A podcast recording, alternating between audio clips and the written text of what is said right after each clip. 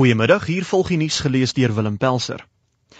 Drie mense is beseer in 'n ongeluk waarby twee vragmotors en 'n trein by Koster in Noordwes betrokke was. 'n Polisiewoordvoerder, Tulani Ngubane, sê die twee vragmotors het by 'n spooroorgang gebots waarna 'n trein in die ongelukstoneel. RSG se nuusbulletins word tans deur die Maraka Instituut by die WNR gebruik vir navorsing met betrekking tot taaltegnologie. Ek het vir dokter Phoebe de Wet van die Meraka Instituut gevra hoekom juis die nuusbulletins daarvoor gebruik word. Die idee van die nuusbulletins aanvanklik was dat dit 'n maklike en betroubare bron was van spraakdata. Uh die navorsing wat ons doen gaan oor die ontwikkeling van menslike taaltegnologie vir die tale van Suid-Afrika. En om enige van hierdie tale te beskryf, het 'n mens uh, in die eerste plek akoestiese inligting oor die taal nodig en tipies het 'n mens honderde ure daarvan nodig en dit is 'n baie duur hulpbron en daar word daagliks honderde ure gesproke data gegenereer by die SAIK.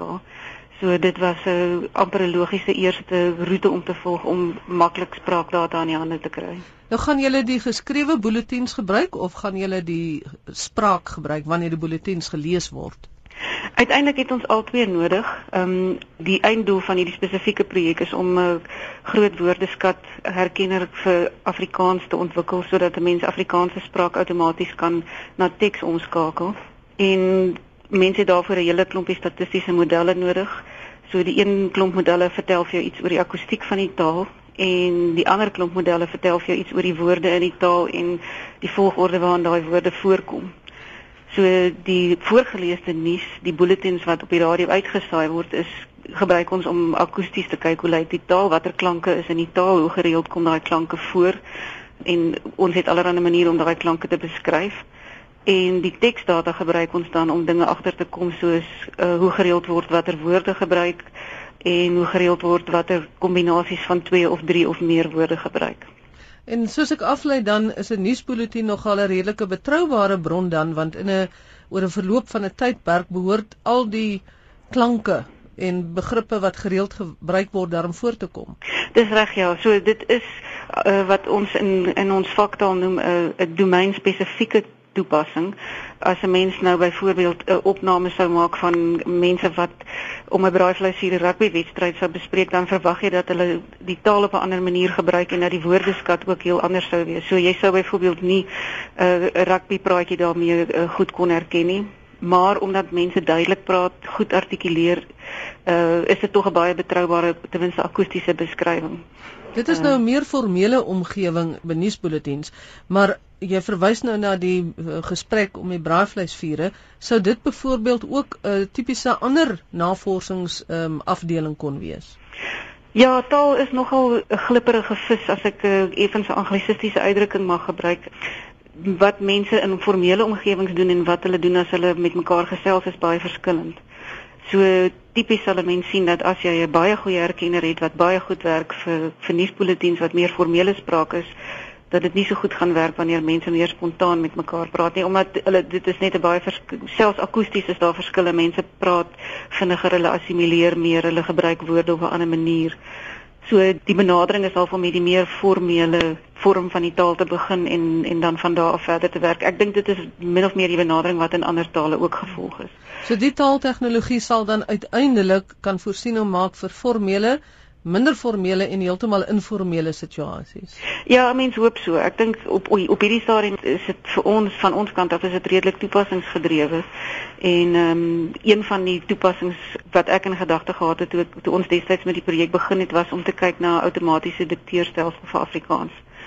Ehm um, dis iets waarvoor waaroor ons veral nogal by die WNR baie navraag kry mense wat byvoorbeeld in 'n motorongeluk was wat nie meer hulle hande kan gebruik nie of mense wat 'n siekte gehad het of een of ander gestremdheid.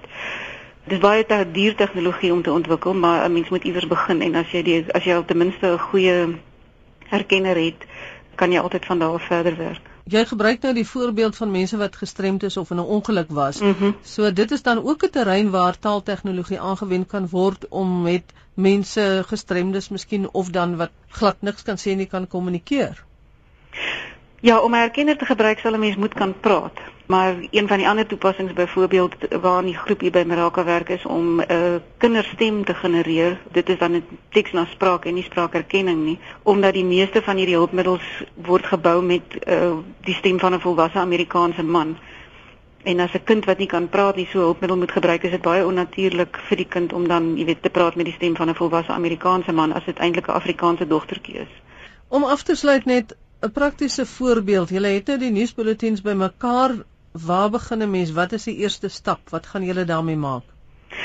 Uh die eerste stap wat ons gedoen het met die akoestiese data is om dit te transkribeer. Met ander woorde, ons het gaan ons het geluister na elke bulletin en geskryf wat die mense wat fisies in die in die opname is.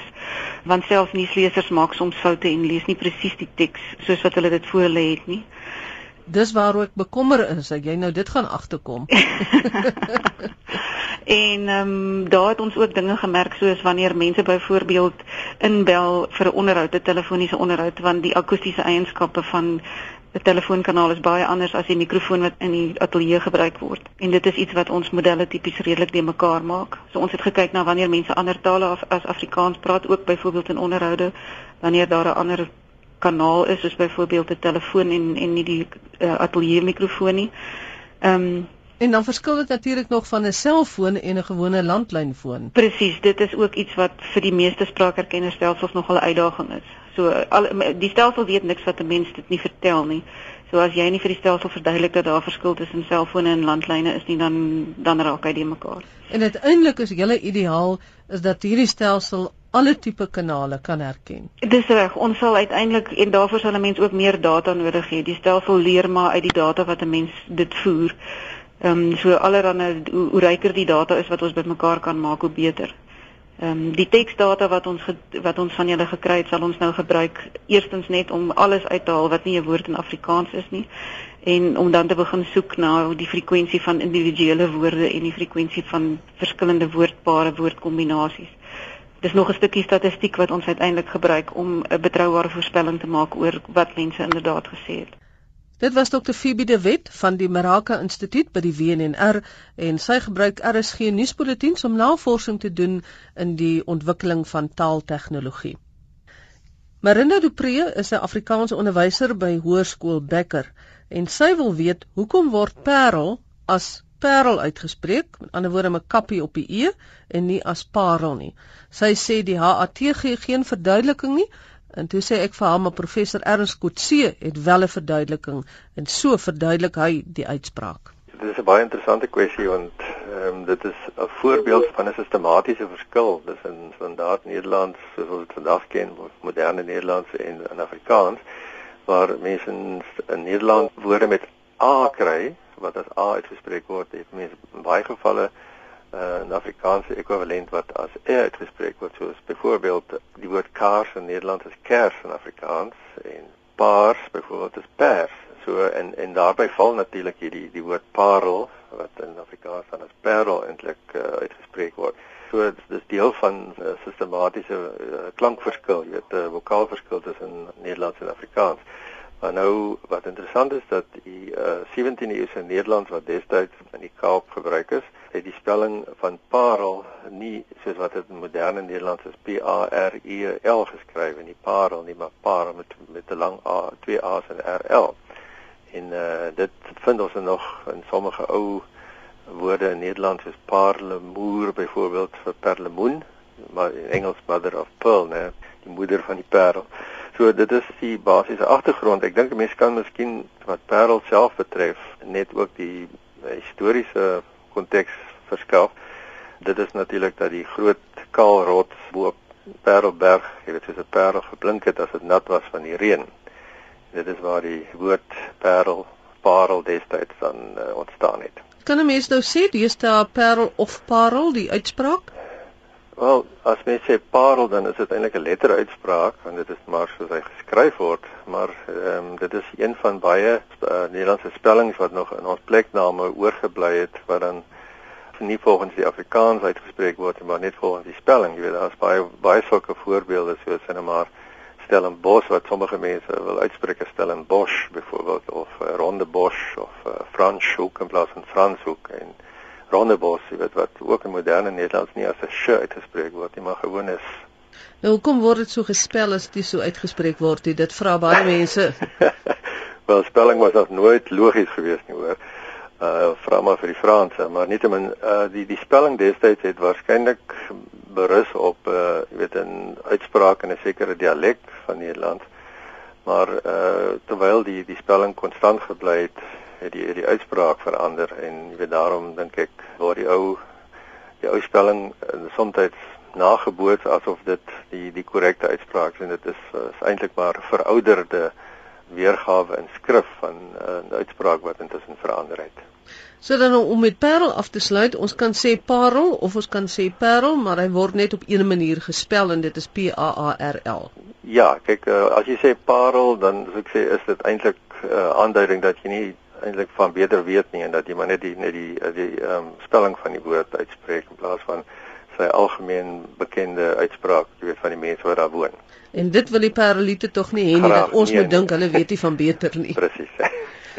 Twee ander plekke geld dieselfde vir hulle. Dit is nou Paarden Eiland daar naby Kaapstad en dan ook paardekraal hier by Kreersdorp. Ja, ja, absoluut. Dit is uh dit val dan in dieselfde kategorie waar paard in Nederlands natuurlik perd is in Afrikaans. So dit is eintlik Perdeberg, jy weet of, of Perdekraal in in Afrikaans.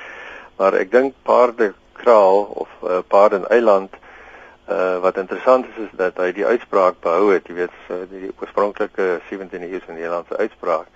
Dit kan dalk meer bring dat mense nie eintlik weet wat die woord beteken nie en net van jy weet volgens die die oorgelewerde uitspraak die die naam bly sê het. Maar dit beteken dus eiland van perde of uh, kraal van perde byvoorbeeld ehm um, jy weet as jy dit nou in moderne Afrikaans wil vertaal. Dankie professor Ernst Kotse ons taalkenner wat vandag vir ons 'n bietjie duidelikheid gegee het oor die uitspraak en spelling van parel Ons is nou al geruime tyd aan die gang met hierdie taalspeletjie as deel van die tale wat ons praat op 'n Sondagoggend en die terugvoer wat ons kry is eintlik besonder goed, bo ons verwagting. En voordat ons by vandag se taalspeletjie kom, het ek net gou-gou vir Gerard van Huisteen wat die program vir ons saamstelle aanbied gevra om vir ons te sê van waar af kom die meeste belangstelling en waarin stel die mense die meeste belang? Magdalene ek kry vreeslik baie terugvoer en gereeld terugvoer van luisteraars wat aan die een kant vir my taal vra vra jy weet gewoon van hoe spel ek dit of wat is die meervoud daarvan? Nogal heelwat uh, ouers van kinders in skole wat vra wat is die intensiewe vorm hiervan? Of my kind het dit in 'n eksamen vraestel geskryf en die juffrou het dat verkeerd gemerk.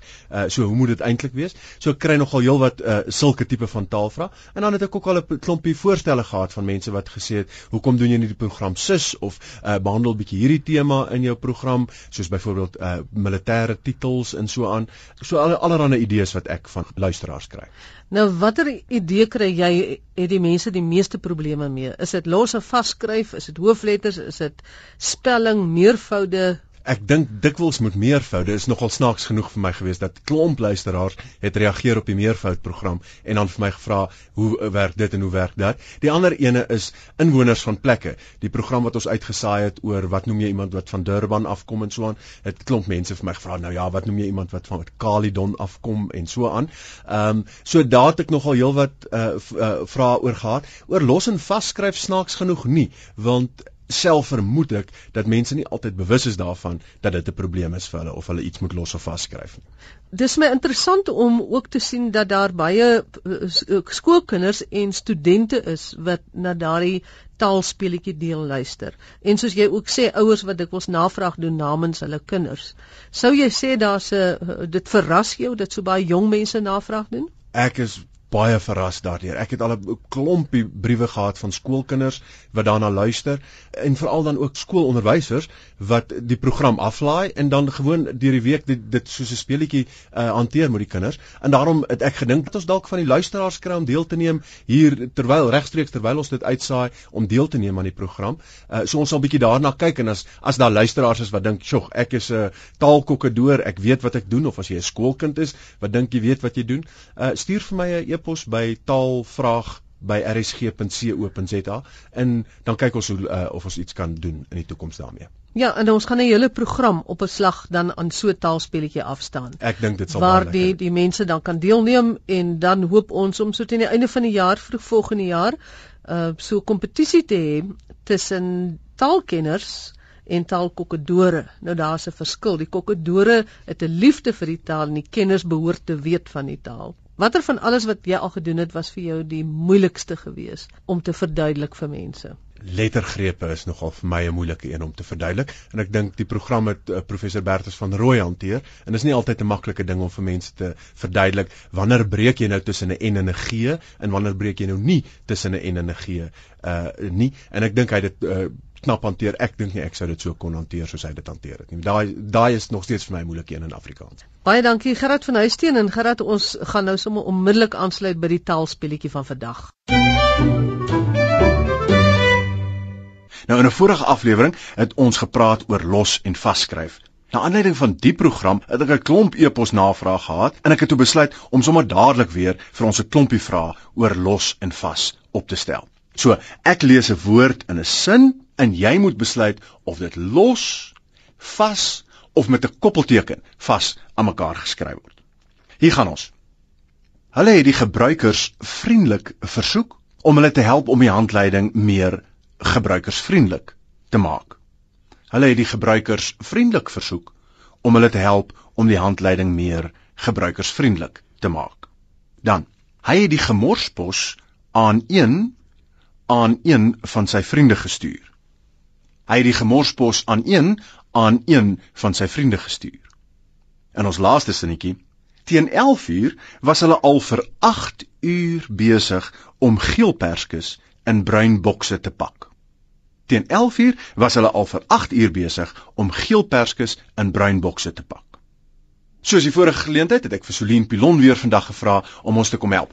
Sy is 'n dosent in Afrikaanse taalkunde aan die Val Driehoek kampus van die Noordwes Universiteit en ook 'n lid van die Taalkommissie. Goeiemôre Solien. Hallo Gerard. Hoekom sukkel mense met los en vasskryf in Afrikaans? Ek vermoed die grootste rede is omdat dit anders omwerk in Engels en ek dink want want in Engels word woorde meestal los van mekaar geskryf soos jacket pocket byvoorbeeld is twee woorde in Engels terwyl jassak in Afrikaans een woord moet wees. En ek vermoed onder die invloed van Engels is mense besig om te mekaar te raak met hoe die dinge in Afrikaans moet werk. Want daar's ook baie woorde in Afrikaans wat toenemend foutiewelik vasgeskryf moet word soos nog steeds byvoorbeeld. Nog steeds is twee woorde in Afrikaans en mense is geneig om dit die hele tyd vas te skryf. So dis nie net die losskryf wat mense verkeerd doen nie.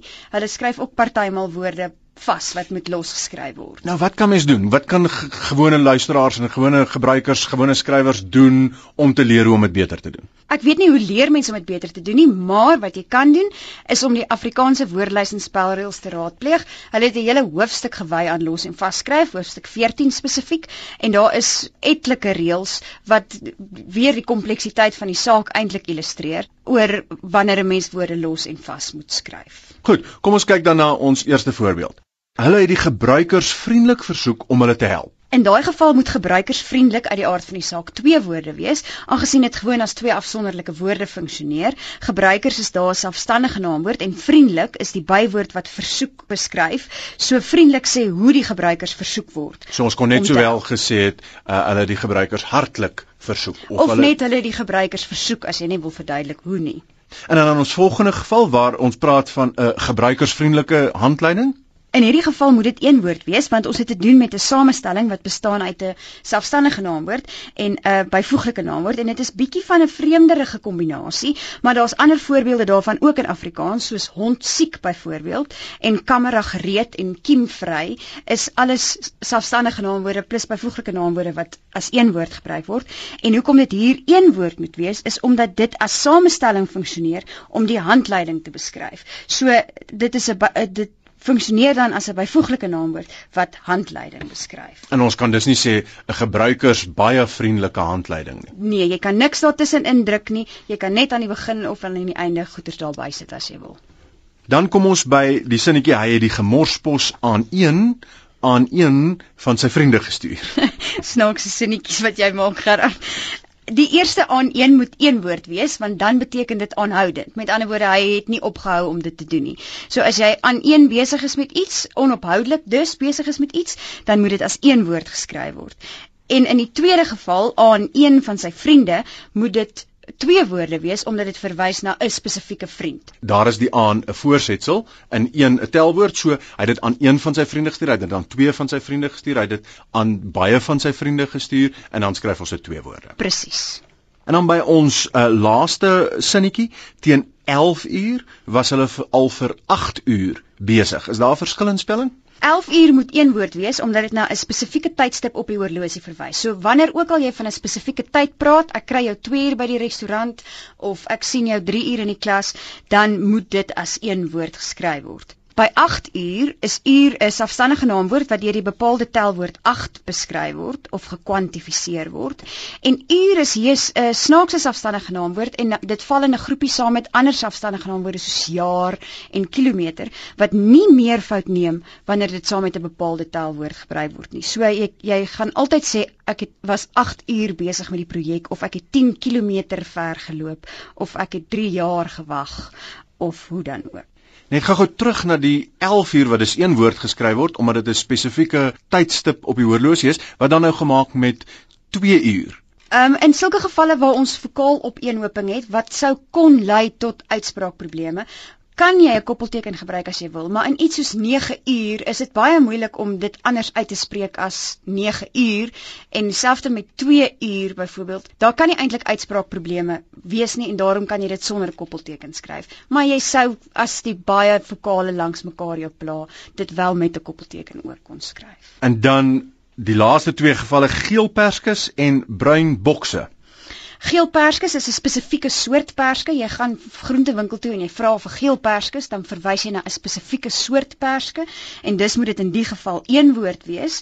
Dit verwys dus nie net na enige perske wat geel is nie. So dit sê nie iets oor die kleur van die perske nie. Dit sê iets oor die spesifieke soort perske en dan moet dit een woord wees. So dis net soos 'n uh, geel wortel wat jy in die tuin uh, uithaal en gaan kook. Dit skryf ons een woord, maar as die boom, die wortel van 'n boom geel is, dan is dit 'n geel spasie wortel. Dis presies dit. En in teenstelling daarmee, bruin bokse word as twee woorde geskryf omdat bruin gewoon iets sê oor die kleur van die bokse en dit nie verwys na 'n spesifieke soort boks noodwendig nie. Celine, baie dankie vir jou hulp vandag en hopelik tot 'n volgende keer. As jy enige vrae het oor Afrikaans of voorstelle het vir die program, stuur gerus vir my 'n e e-pos by taalvraag@rsg.co.za.